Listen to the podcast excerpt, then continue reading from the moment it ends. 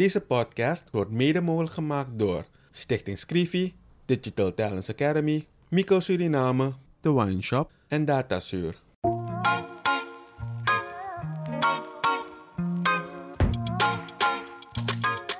In een ontspannen sfeer praten journalist Kevin Hadley en challenger Vincent Kenswell met verschillende personen over de uitdagingen en de kansen van hun werkgebied. Samen proberen ze door oplossingsmodellen te bespreken positieve ontwikkelingen op gang te brengen.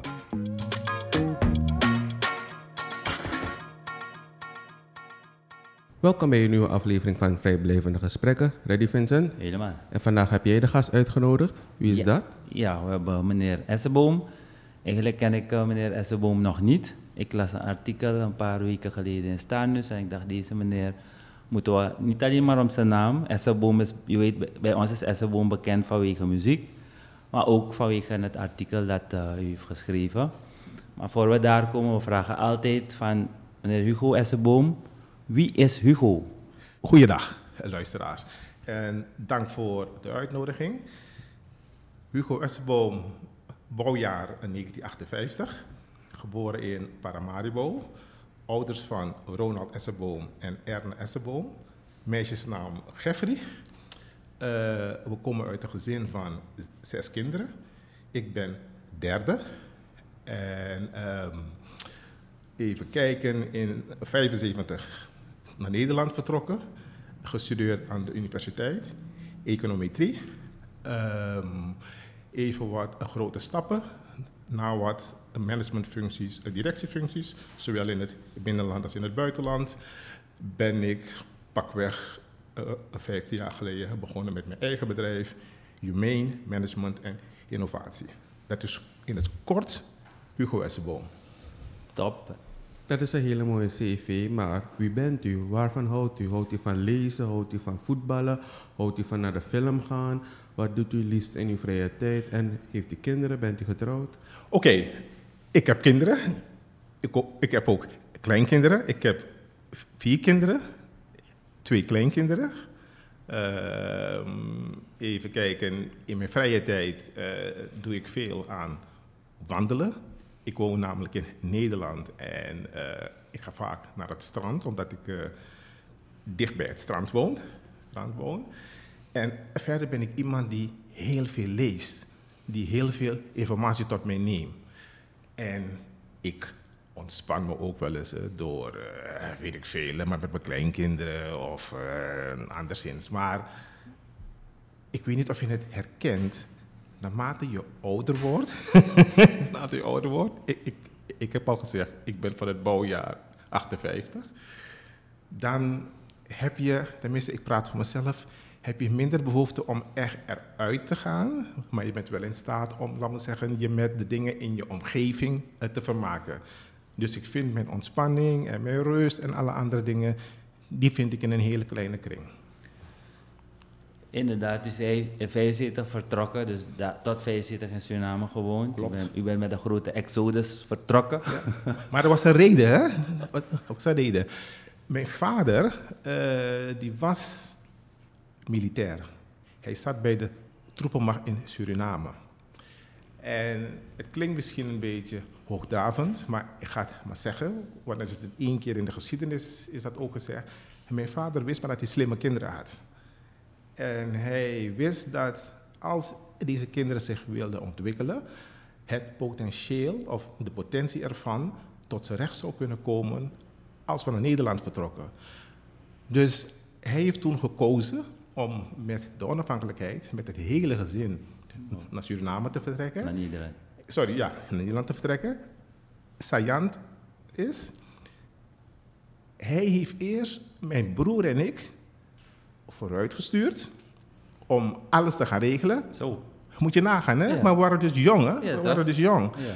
Maar we hadden daar onze oma, die ons een beetje wegwijs maakte. Maar ja, ik bedoel, en ze namen wel een, een zekere risico om Ja. dus, laten we zeggen, deze jonge kinderen eh, vooruit te sturen. Maar goed, uiteindelijk is, Is goed alles goed op zijn pootjes terechtgekomen. Dus. Nou, dit is mooi dat u het zo vertelt en daarom was ook de vraag. Want tot 75 gaat u, neem ik aan, uw vader was bij de TRIS, dus ook een goed leven hier. Ja, absoluut. En hoe, Absoluut. hoe waren dan de eerste weken, maanden in Nederland? Begrepen jullie ook dat het voor jullie eigen best wil ontwikkelen? Want u zei net, de vader wist, uw, uw vader wist dat, u slim, dat hij slimme kinderen had. En ik ben het helemaal mee eens als je toppers hebt. Ehm, ik heb trouwens ook een artikeltje daarover gelezen, Brain Drain in de Caribbean. Die dame bekeek het helemaal anders. Zeg maar, als je topper bent en je kan het niet in je omgeving, Moet je weg. moet je, Ja. is, dus moet je, moet je je potentie ergens anders gaan. Je moet het elders zoeken. En gelukkig, u bent weer terug Ja. om hier dingen te doen. Dus met die kennis gaat er iets gebeuren. Maar voor we daar komen, ik neem aan voor zo'n jonge meneer, kerel als u, hier een, een, een geweldig leven. Ja. Plotseling in Nederland, ik neem aan in een hokje of tenminste kleinere ruimte. neem ik aan hoor, ik weet misschien had uw oma ook al, ik weet het niet. maar Nou, hoe, hoe was dat? Nou- hoe was de overgang? Ik moet zeggen dat eh, onze oma, die, die is intussen overleden natuurlijk. Het was de oma van mijn vaderskant. Eh, die heeft ons ontzettend goed opgevangen. Ze woonde in A- Amsterdam-West. En A- Amsterdam-West was tegen die tijd, ja, laten we zeggen, het was toch een Goede buurt. een redelijk goede buurt. Maar mijn oma, die eh, was als gevolg van, volgens mij had ze een herseninfarct gekregen en ook nog een suikerziekte. Dus eigenlijk was ze niet zo mobiel dat ze ons echt maar bij de hand kon nemen. Maar ze gaf ons wel de tips van, kijk uit boy, loekoeboe, die is dat aan die. Maar goed, op haar manier is ze erin geslaagd om ons maar de weg te wijzen en ervoor te zorgen dat we goed terechtkwamen tot het moment dat- onze ouders kwamen. En dan komt het nu. Mijn ouders, die zijn gaan... Nee, even anders zeggen. Mijn oma woonde in Amsterdam. Maar mijn ouders, dus mijn vader, die werd gestationeerd in Assen. Dat is in Drenthe. Zo. Ja. Moet Ja, dat is, moet ik dat is heel eind. Precies, precies, precies, precies. Dus, dus eh, ik moest toen kiezen, of althans mijn broer en ik, maar mijn broer is arts, die woont op Curaçao nu. Eh, we moesten toen kiezen van, oké, laten we oma en gaan we naar onze ouders. Of, blijven of, bij oma. of blijf eentje bij oma en gaat de andere naar de, snap je? En uiteindelijk, lang verhaal kort, ik ben bij mijn oma gebleven. Oké. En, En, mijn broer. opgevoed. Precies, precies. Mooi, mooi, mooi. Dus ik ben in Amsterdam eh, opgevoed. Maar het is mooi om dit soort verhalen te horen, Ja. want ehm, eh, ik, ik moet zeggen, het is een, alles zo georganiseerd. We hadden het ook in het voorgesprek over organisatie en zo wijs eigenlijk dat we on- onze mensen op die manier ook kijken naar de toekomst Ja. met de kinderen. Want zes kinderen is een behoorlijk gezin. Ja. Uh, ook om grote verantwoordelijkheid voor Precies. uw ouders geweest, ook voor uw oma. Ja. Ehm, hoe, hoe komt het dat dat zo was? Hoe was de opvoeding hier in Suriname? Nou, dus, Goed dat je het woord opvoeding noemt. Ik, ik weet bijna zeker, want ik ben nu maar ben ik 63 en ik kan dus terugkijken. Ik weet zeker dat de basis voor de opvoeding die hier gelegd is in Suriname, heeft gemaakt dat wij overeind zijn gebleven in Suriname. En Dat we niet het verkeerde pad op zijn gegaan. Kijk, mijn vader, hele strenge man. Dat is een militaire. ja. Daarentegen was mijn moeder een beetje de vrouw die als het ware alles afdekte wat, wat, waarvan ze vond dat, dat mijn vader veel te streng was. En ja, in elk gezin heb je natuurlijk maar de situatie dat, dat het ene kind iets beter kan opschieten met de vader, de andere met de moeder. Nou, ik kon beter opschieten met mijn moeder. mijn moeder. Niks ten nadele van mijn vader, maar Nee, nee, nee. zo werkt het. Ik heb ook gezegd maar tegen mijn kinderen, vergis je niet, ouders houden niet op dezelfde manier van alle kinderen. Omdat de kinderen verschillen van elkaar. Ze houden van allemaal, Maar anders. maar anders.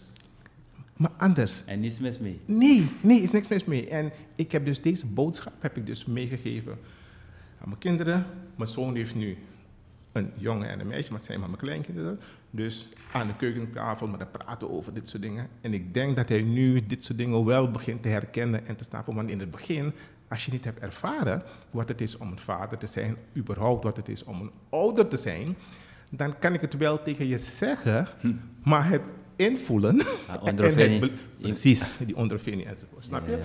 Dus, maar goed, dus die opvoeding die wij hier hebben gehad, tot de dag van vandaag, ik ben ervan overtuigd, als ik het vergelijk met de generaties na mij, en ik zie bijvoorbeeld op het terrein van school, op het terrein van educatie, je ziet gewoon de verschillen tussen mijn generatie en de generaties daarna. Na- Ja, natuurlijk eh, spelen meer dingen een rol, maar wat in je is gestopt op hele jongere leeftijd, je neemt het mee en op de een of andere manier het draagt bij aan je vorming, aan je cultuur, aan je identiteit, aan wie je bent. En uiteindelijk de manier waarop je in het leven staat. Um, belangrijk, of mensen een vraag. We hebben in meerdere gesprekken als we Suriname een beetje gaan analyseren. Inderdaad, men praat veel over vroeger, ook als ik met mijn ouders praat. Hoor. Ik heb gelukkig nog ouders die er zijn. En, ze, zijn en eh, ze vergelijken altijd met hoe het vroeger was en hoe het nu is. Um, en dat die opvoeding van toen, die strengheid en de correctheid, al dat soort dingen, zijn belangrijke basiselementen. Um, maar ook wat je ziet in Suriname, dat, uh, want wat ik zo begrijp, u, u komt niet uit een eenoudergezin, een heel Nee. stabiel gezin. Ja. En dan kom je ook goed terecht. Oma is er nog, al dat soort dingen. Maar je merkt dat in Suriname, dat nu op een of andere manier je veel eenoudergezinnen hebt. Die, dan moet de moeder waarschijnlijk echt de eentjes naar elkaar knopen, waardoor die discipline misschien, of die, uh, hoe noem je dat, die strengheid een beetje eruit gaat. Ehm, dat kan op termijn, en dat merken we misschien nu ook een beetje ten nadele zijn van die hele ontwikkeling in die maatschappij. Heeft u dat een beetje geanalyseerd? Ook, u bent nu, hoe lang komt u weer terug naar Suriname? Nou, ik eh, kom sinds 2013, 14, maar ben ik eh, denk ik eh, vier, vijf keer per jaar in Suriname. En u- Ja, voor de klanten. Ja, want u, u- uw bedrijf is Humane. Ja, Humane BV, hè? Ja. en het heeft ook te maken met natuurlijk de persoon, de mensen. Ja, ja. Dat verschil, ehm, heeft u een beetje kunnen meten hoe groot dat is? En zijn er, wat moeten we eraan doen? Want deze podcast Ja. en deze gesprekken doen wij Ja. voornamelijk ook om bepaalde dingen zichtbaar te maken, maar ook jongeren, Mhm. maar ook ouders te inspireren om op te pakken en te kijken waar kunnen we weer op spoor komen. Hm.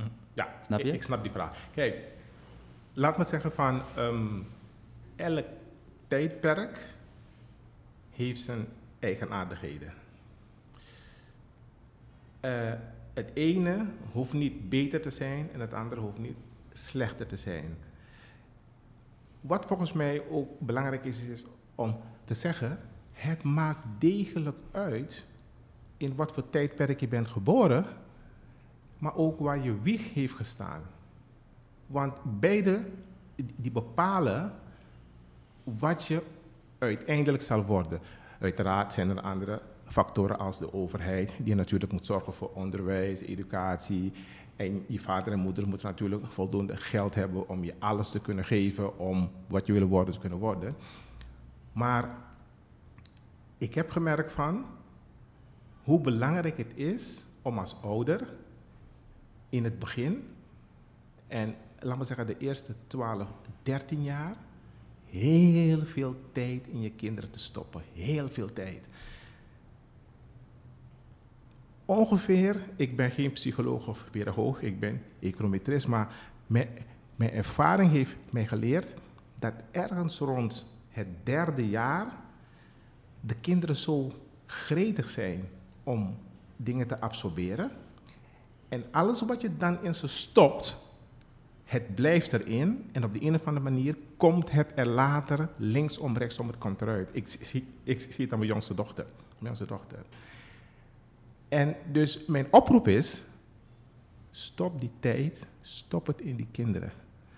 Behalve dat ze in de toekomst er iets aan hebben, maar het mooie wat je ervoor weer terugkrijgt, ik praat over mijn situatie, dat is die liefde. Die onvoorwaardelijke liefde die je van je kinderen krijgt. Kijk, ik heb een hele goede band met, mijn kinderen. Ook met de jongsten. Weet je wel? Ik ben nu weg en ik weet dat ze het totaal niet leuk vinden dat ik weg ben.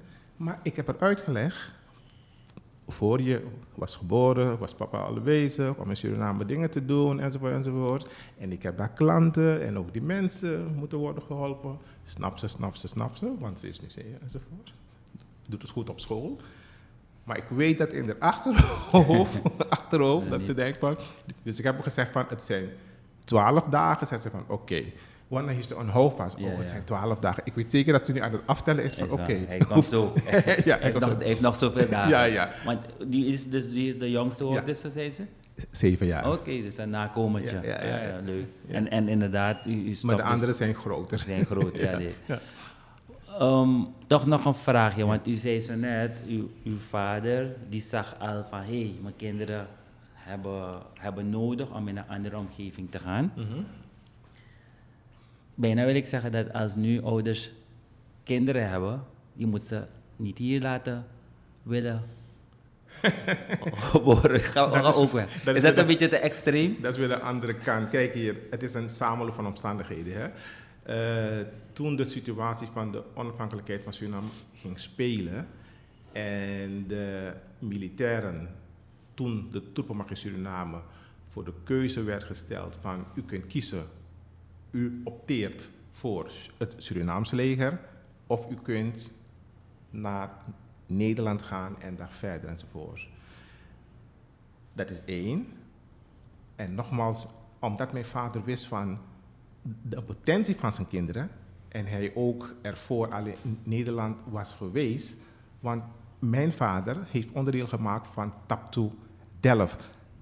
Tot de dag van vandaag hebben ze onuitwisbare sporen achtergelaten, die militairen die aan Taptoe Delft hebben deelgenomen.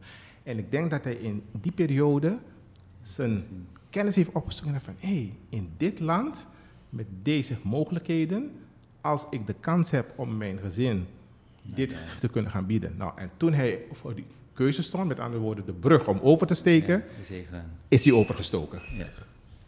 Wat doet dat met u, dat u dat weet dat uw vader heeft gedaan? Ik ben hem dankbaar voor dat hij de keuze heeft gemaakt om het beste voor ons te kiezen, wat hij toen dacht. Want je weet nooit of het goed uitpakt. Precies. Je weet het nooit. Want ik gaf al aan in het begin, hij heeft een risico genomen om mijn broer en ik Alleen de stuur.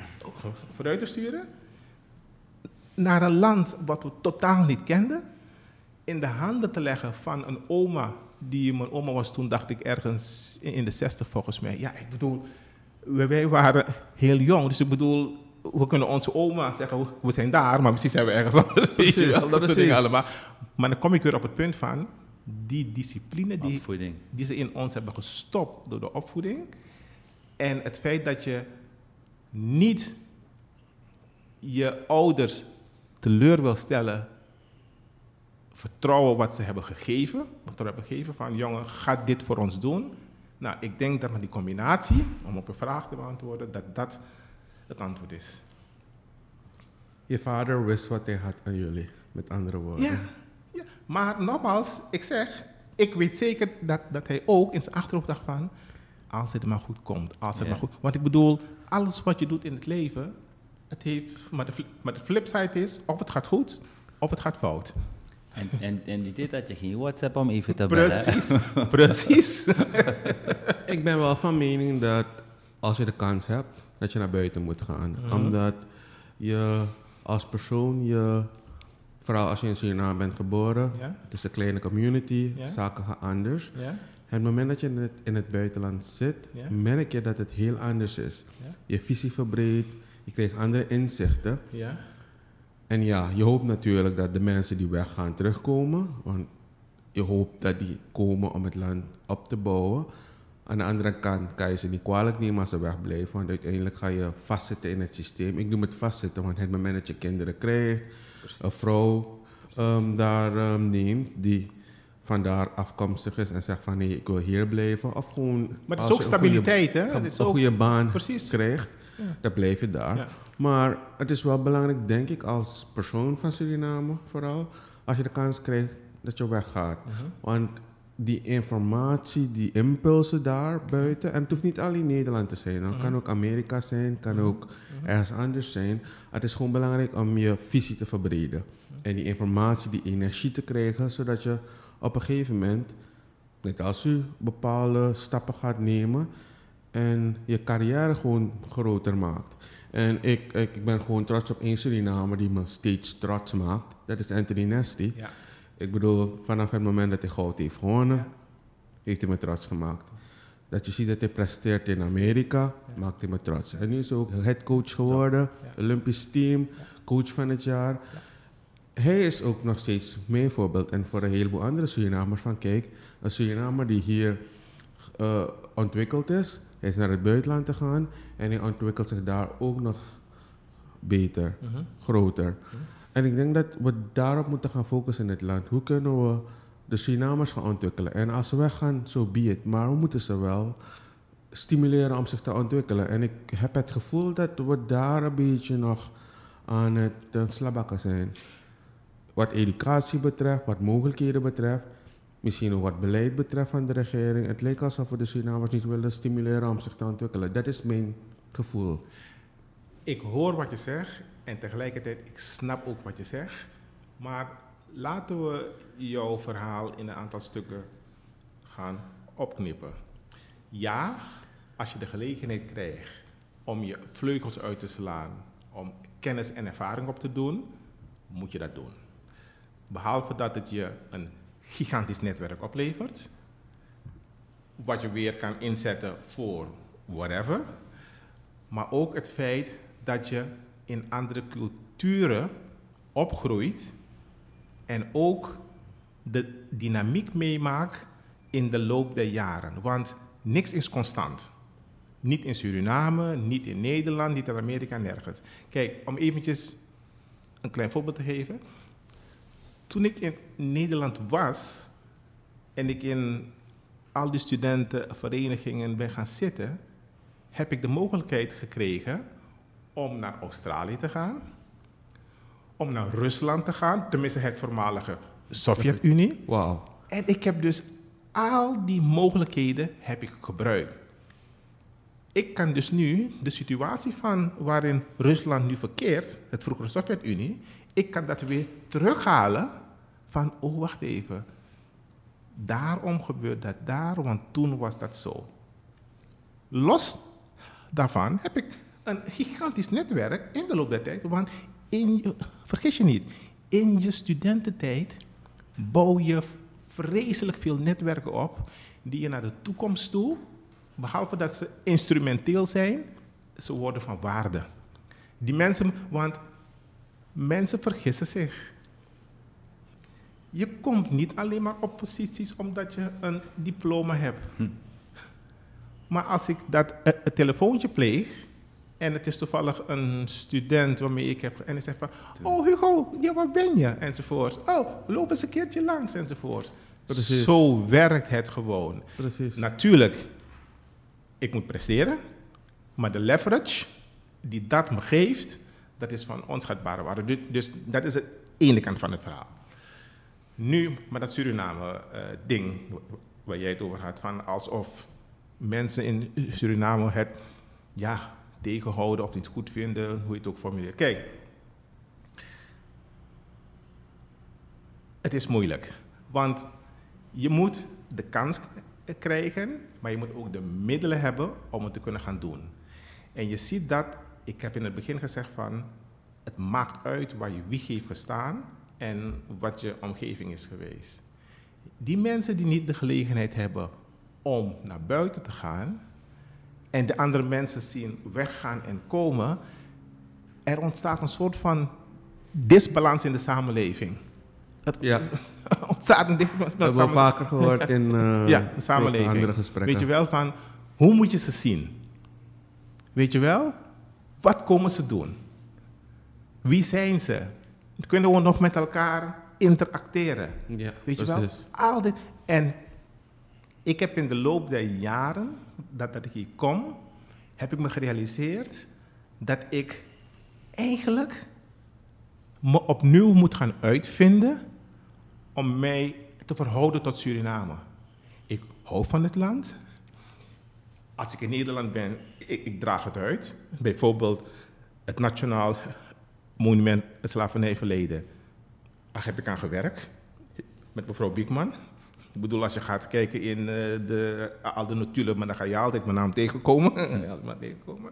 Dus om aan te geven dat ik wel degelijk betrokken ben en ook de onderwerpen snap die spelen vanuit Suriname, Nederland enzovoort.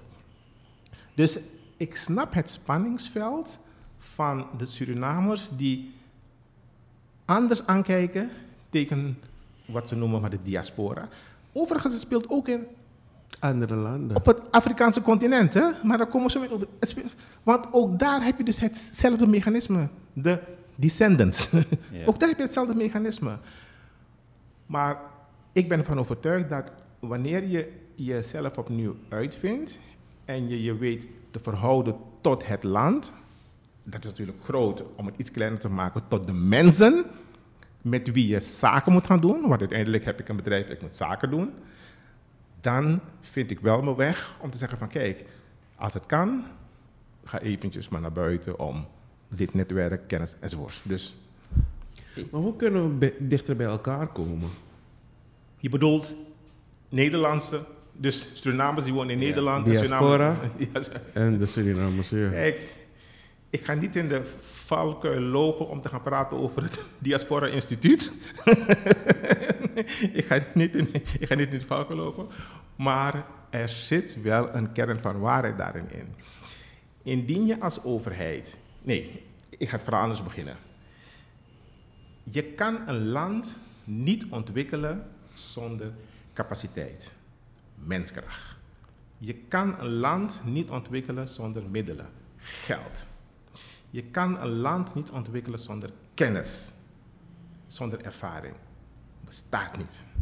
Nou, dan heb ik al vier ingrediënten genoemd, ingrediënten genoemd waarom je eigenlijk dus beleid zou moeten maken en zeggen van kijk, we weten dat jullie daar zitten en we weten dat jullie het daar waarschijnlijk goed hebben, want dat is ook weer een ander aspect. Een andere aanname. Precies, waarschijnlijk goed hebben. Maar weet dat wij de weg voor jullie vrijmaken om je bijdrage te leveren. En we gaan dit en dit en dit doen. Maar laat me dat beleid even aan de kant, want dan kom ik op het terrein van het instituut, waarover ik gezegd heb, ik ga daarover ik, ik, verder niks zeggen. Ik ken trouwens al die mensen die erachter zitten. Maar goed, maar niet. Maar niet uit. Kijk, deze kleine dingen die ik doe op mijn manier, via mijn bedrijf, door hele concrete projecten aan te gaan met Surinamers hier, die ik hier heb ontmoet. En iedere keer wanneer ik hier ben, wordt de kring groter. Met andere woorden, ik ben de kraaltjes aan het rijgen. Ik krijg allemaal mensen om me heen waarvan ik denk en voel van hé, hey, die kan iets bijdragen. En die mensen vragen mij omgekeerd, Hugo, als je Nederland bent, kan je dit en dit en dit en dit. Of Hugo, of ik omgekeerd, kan je dit en dit, snap je? Dus door heel concreet aan de slag te gaan met dingen die ik zie. Bijvoorbeeld, ik heb gezien dat de potentie van het binnenland ontzettend groot is. En ik heb toevallig mogen werken met een COO, een Chief Operation Officer, de heer Sandino Ratling. Hij is nu voorzitter van de presidentiële werkgroep Brokopondo. Ik heb gezien zijn potentie en hij heeft via zijn vroegere kapitein, kapitein King die overleden is, heeft hij het op zich genomen om te West-Klaaskreek de droom van die kapitein opnieuw leven in te blazen. Hij heeft me toen gezegd van, hé hey, Hugo, ik weet waarin jij goed bent. en ik weet waar ik niet goed in ben. ik niet goed in ben. Kijk, West-Klaaskreek, jongen, het is ontzettend groot. En kapitein King heeft gezegd van, hier moet een nieuw dorp ontstaan. Niet een gewoon dorp-dorp, nee, een dorp 2.0. Dus niet de gewone dorpen langs maar de Suriname rivier, nee, nee, nee, een dorp 2.0. Dus toen hebben we zitten brainstormen van, ja maar, wat wilde die kapitein en wat moeten we gaan doen? En het enige wat Sandino zei is van, joh, we moeten planten. we moeten planten, landbouw, landbouw, landbouw. Weet je wel? Want ze hebben kostgrondjes daar. Maar ik zei tegen Sandino, ik noem hem Dino. Dino, met alleen maar planten gaan we er niet komen. Want uiteindelijk, oké, ik snap het, die mensen moeten eten. Maar uiteindelijk, die producten, die moeten worden verkocht. Dus die moeten naar de stad, of ze moeten naar de regio, uh, uh, CARICOM, of ze moeten naar het buitenland, Europa. Dus ik heb gezegd van, Dino, we moeten groter gaan denken. Hij zei van, boy, hoe gaan we dat ding doen? hoe gaan we dat ding doen? Ik zei van, no span. Dus toen hebben we mensen om ons heen verzameld die, laat maar zeggen, ons hebben van, nou, als jullie dat gaan doen, dan uh, willen we erbij komen. Maar zeggen en doen is iets anders, hè? Want je moet eerst het werk gaan doen en ze moeten zien enzovoort. Nou, dus al een hele tijd ben ik met uh, Sandino, die ook nog maar de voorzitter is van de stichting Lokeo, Landbouwontwikkeling Klaaskreek en Omgeving. Zijn we bezig geweest aan een soort van een visiedocument, een soort van outlook van, ja maar hoe, hoe moet dat ding eruit zien? En hij weet dat ik goed kan schrijven. Ik kan dingen verwoorden. Hij heeft gezegd van, maak dat document. Ik heb gezegd van, wie gaat betalen? wie gaat me betalen? Wie gewoon een span. maar goed, dus twee jaar lang hebben we over en weer uiteindelijk document gekomen en heeft gezegd van, oké, we gaan shooten. Um, wat er toen is gebeurd, ik heb gezegd van, Dino, wij gaan geen succes hebben als we niet in staat zijn het verhaal te verkopen. Alles wat je, alles, alle ontwikkelingen die je wil gaan doen, je moet het kunnen verkopen. Is het niet aan het beleid, dan is het aan de banken, is het aan je stakeholders, dus je moet. Dus toen dacht ik van, hé, hey, Famo was aan die Toen dacht ik van, hé, hey, wacht even. Jullie zijn Marons. Jullie zijn Marons. Ik heb gezegd van, maar als je kijkt naar de ontwikkeling die jullie doormaken en wat men allemaal, en met men bedoel ik, Paramaribo met jullie doet. Ik zeg van, Dino, is niet goed. Is niet goed. Ik zeg van, je moet laten zien dat jullie in staat zijn om je eigen ontwikkeling in het binnenland ter hand te nemen. En toen dacht ik van, maar je moet een term ervoor hebben. En toen kwam ik op Maronomics. Ik zeg van, dat, dat moet het buzzword worden, dat we gaan pompen, pompen, pompen. Dat mensen denken van, Maronomics, Maronomics, Maronomics, wat is, dat? Wat is dat? Dus vandaar ook onder andere met dat artikel. Ja, dat artikel ja. Dus ik heb gezegd van, kijk eh, Dino, zeggen dat het Maronomics is, is nog niks. Dan moeten we gaan uitleggen van wat is het dat men zegt van, hé, hey, hier wil ik bij horen. Dus toen ben ik weer gaan zitten nadenken. Ik zeg van, oké, we moeten niet veel dingen hebben, we moeten maar drie dingen hebben om de mensen uit te leggen wat het is. Heb ik gezegd van, Maronomics gaat over economische ontwikkeling, over economische vooruitgang in het binnenland, maar ook van het binnenland. Dat is één. Ik heb gezegd van, maar vervolgens moeten mensen snappen dat Maronomics ook is dat je het podium geeft aan Afro-Surinamers om de Afri-Caribische economie, de handel en de investering, om dat maar te doen plaatsvinden. Waarom wilde ik dat? Op het continent Afrika, ik weet niet of jullie ervan gehoord hebben, is er een grote beweging gaande. De African Continental Free Trade Area. Dus net als je de Europese Unie hebt, okay. dan zijn die mannen daar bezig met de African Continental Free Trade Area. En toen dacht ik van, hé, hey, wacht even. Deze mensen, wat zijn diaspora? Zijn ja. descendants van, daar. Ja. Dus als wij erin slagen om ze een podium te geven, dan hebben we alvast dat lijntje gelegd. Want, maar de koning van Ashanti was toen ook hier geweest. Oké. Ja. Dus dat, dat is het tweede van Maronomics. Dus het eerste is die economische ontwikkeling en die vooruitgang. En het tweede is het podium geven.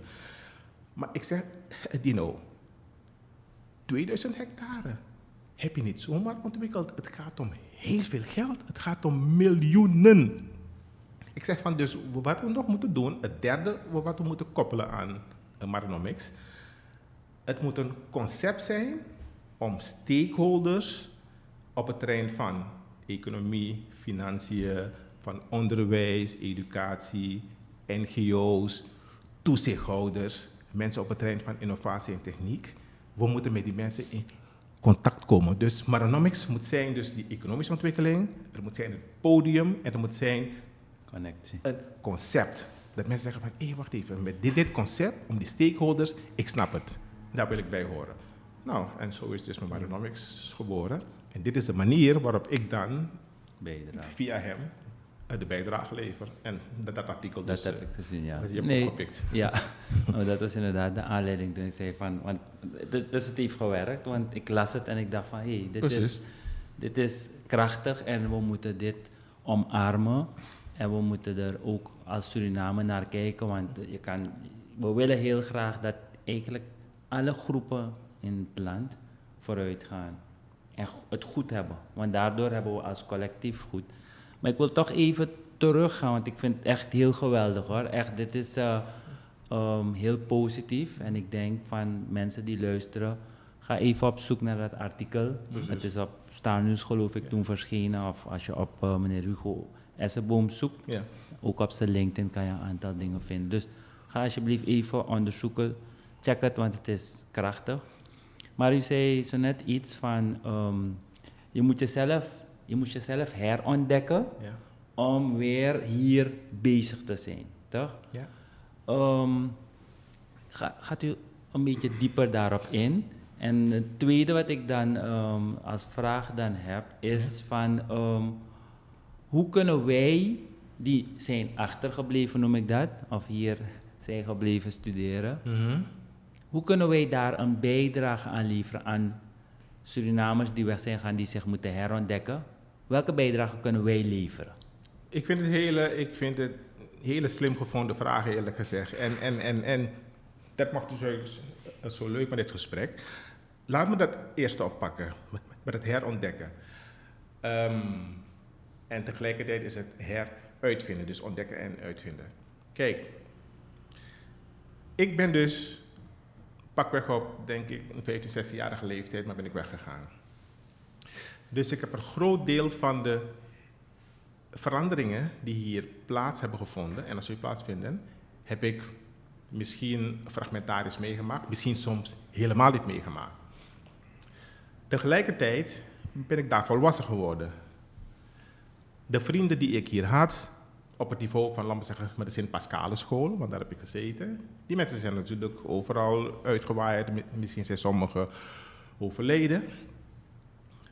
Dus ik moest op de een of andere manier moest ik een connectie gaan maken, een nieuwe connectie gaan maken met het nieuwe speelveld.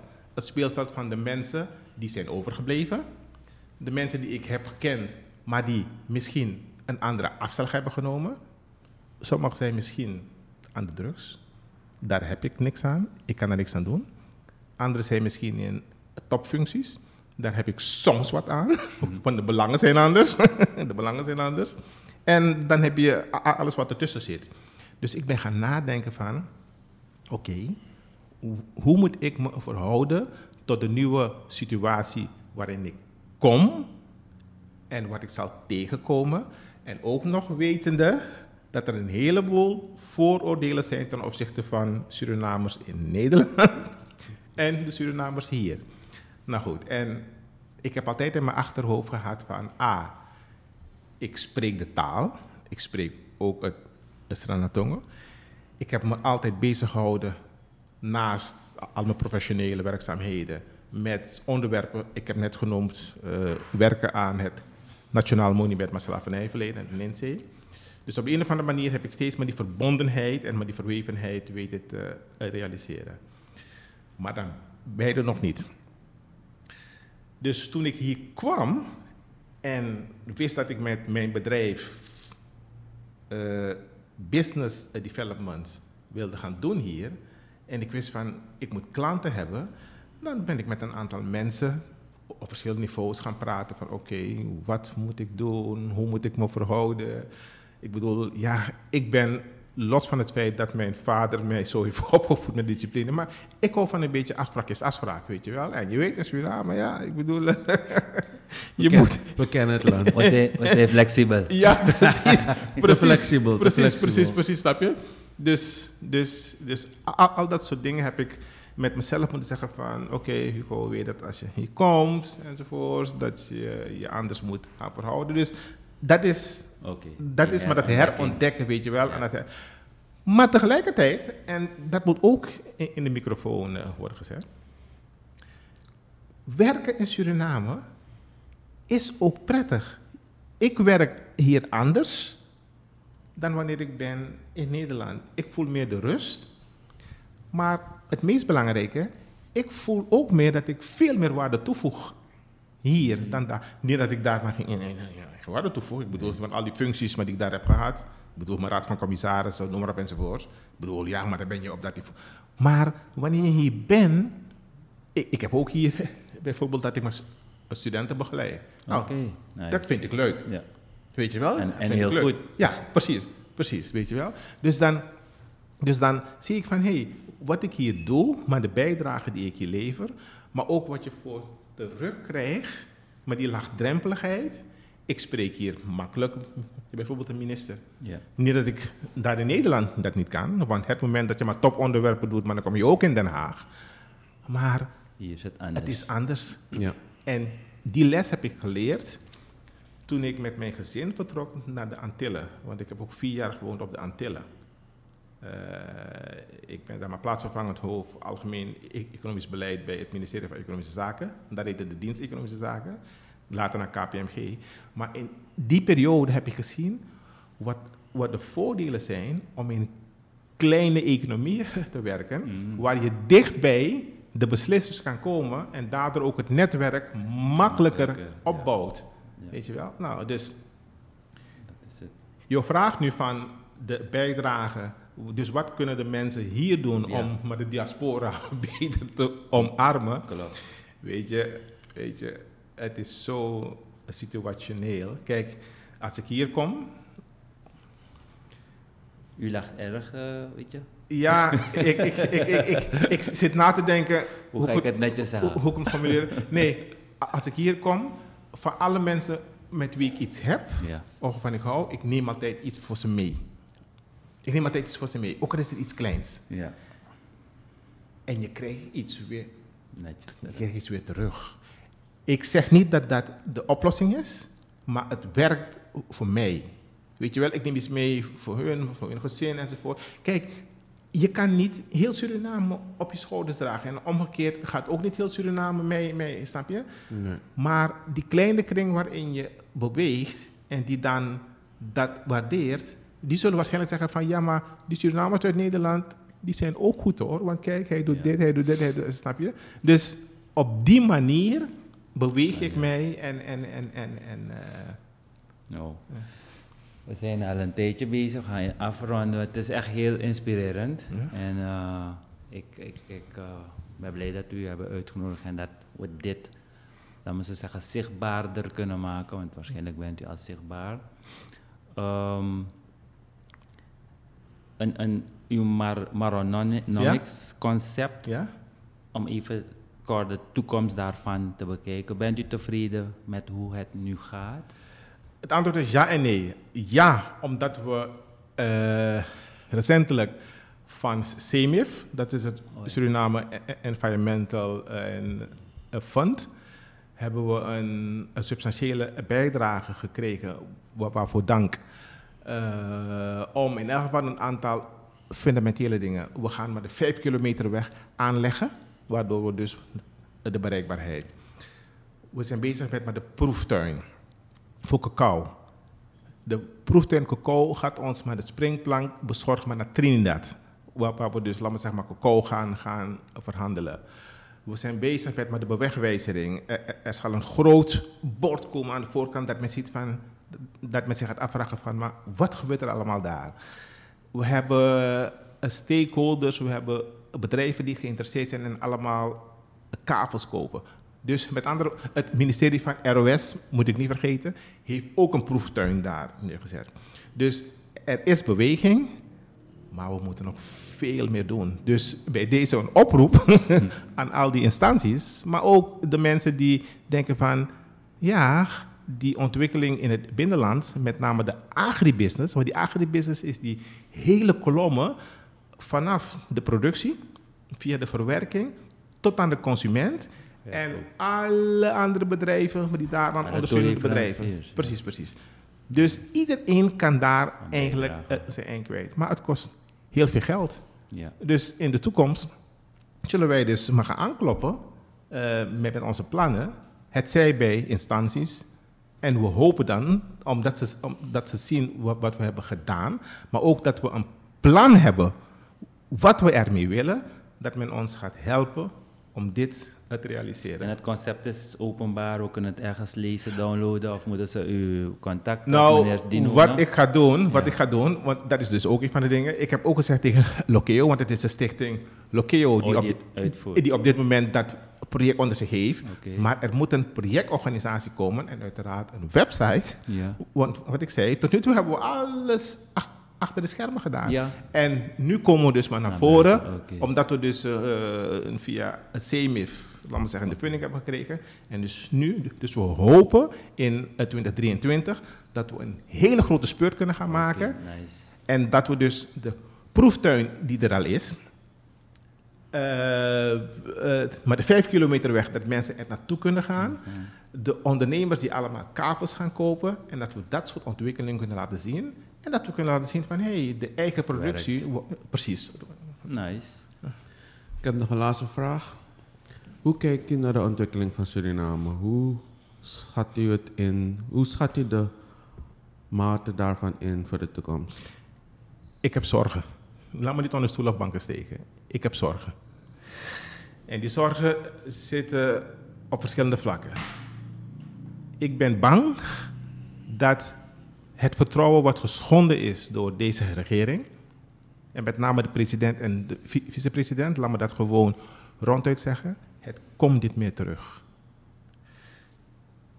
Als je niet snapt dat je aan de macht bent gekomen, op de posities bent, door een volk dat je daar geplaatst heeft, en je vanaf dag één cruciale fouten maakt, wat ze hier noemen de friends and family benadering, waardoor anderen in het nadeel worden geplaatst, dit maak je niet meer goed.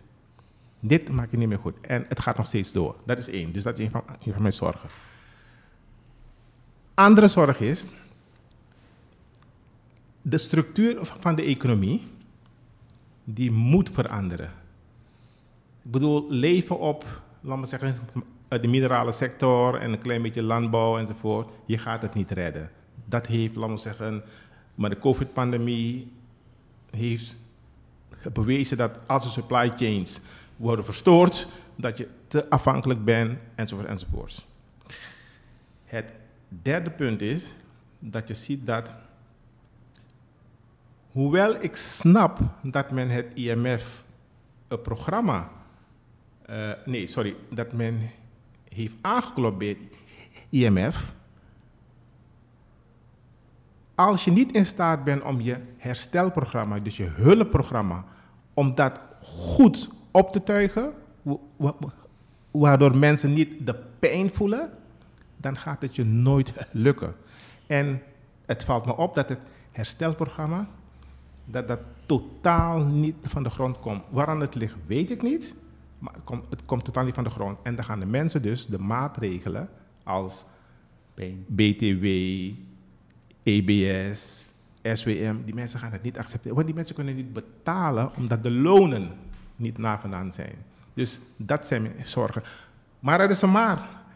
Als ik zo met de mensen spreek in mijn omgeving, dan zeggen ze: Chan heeft ons beetgenomen, maar we geven niet op. Ze zijn nog Precies. gemotiveerd. Precies, precies, precies. Maar ik, ik ben bang, ik, ik weet niet tot, tot welke prijs. Nou, ik, in ieder geval is uw verhaal met de West-Class Creek heel positief. Ik denk dat dat de basis is eh, voor Suriname, dat we, we kunnen kijken naar politics. Mhm. Of we kunnen alvast eh, gaan werken en produceren. En de aan, aanzet die nu is gegeven is heel mooi, ziet er goed uit. Dus wij gaan het blijven volgen. Graag. Ik, ik, ik roep de mensen die hebben geluisterd ook op om het te gaan zoeken. Meneer Hugo Esseboom, ehm, Leon, hoe die stichting? Lokeo. Lokeo Ja. en West Klaaskreek opzoeken en dan aansluiten. Want al is het voor eh, de, de, de West de Klaaskreek gemeenschap, het is voor elke Surinamer Ja. kan aansluiten. Ja. Er is hulp nodig. Ja. Het zij in kennis, het zij in geld, het zij in een beetje inspiratie. Ook de studenten van de universiteit of iedereen die studeert. Innovatie. Ga er agribusiness. Ja. In elk geval bedankt voor wat u heeft gedaan of doet. Ja, ja. En ik wens heel veel succes en we gaan u blijven volgen. Prima. Zeker weten. Dankjewel. Eh nogmaals, dank voor het feit dat, dat ik hier mocht zijn. En eh, laat me zeggen, net wat ik zeg, een van de twee punten van uh, Marathonics, ervoor zorgen dat het bekend wordt. Bekend wordt, nou ja, goed, dat, dat, dat, podium eh, heb ik nu gekregen, maar dus dank daarvoor. En blijf het volgen en eh we spreken elkaar in de toekomst. Zeker Yes, weten. Thank you. Dag luisteraars.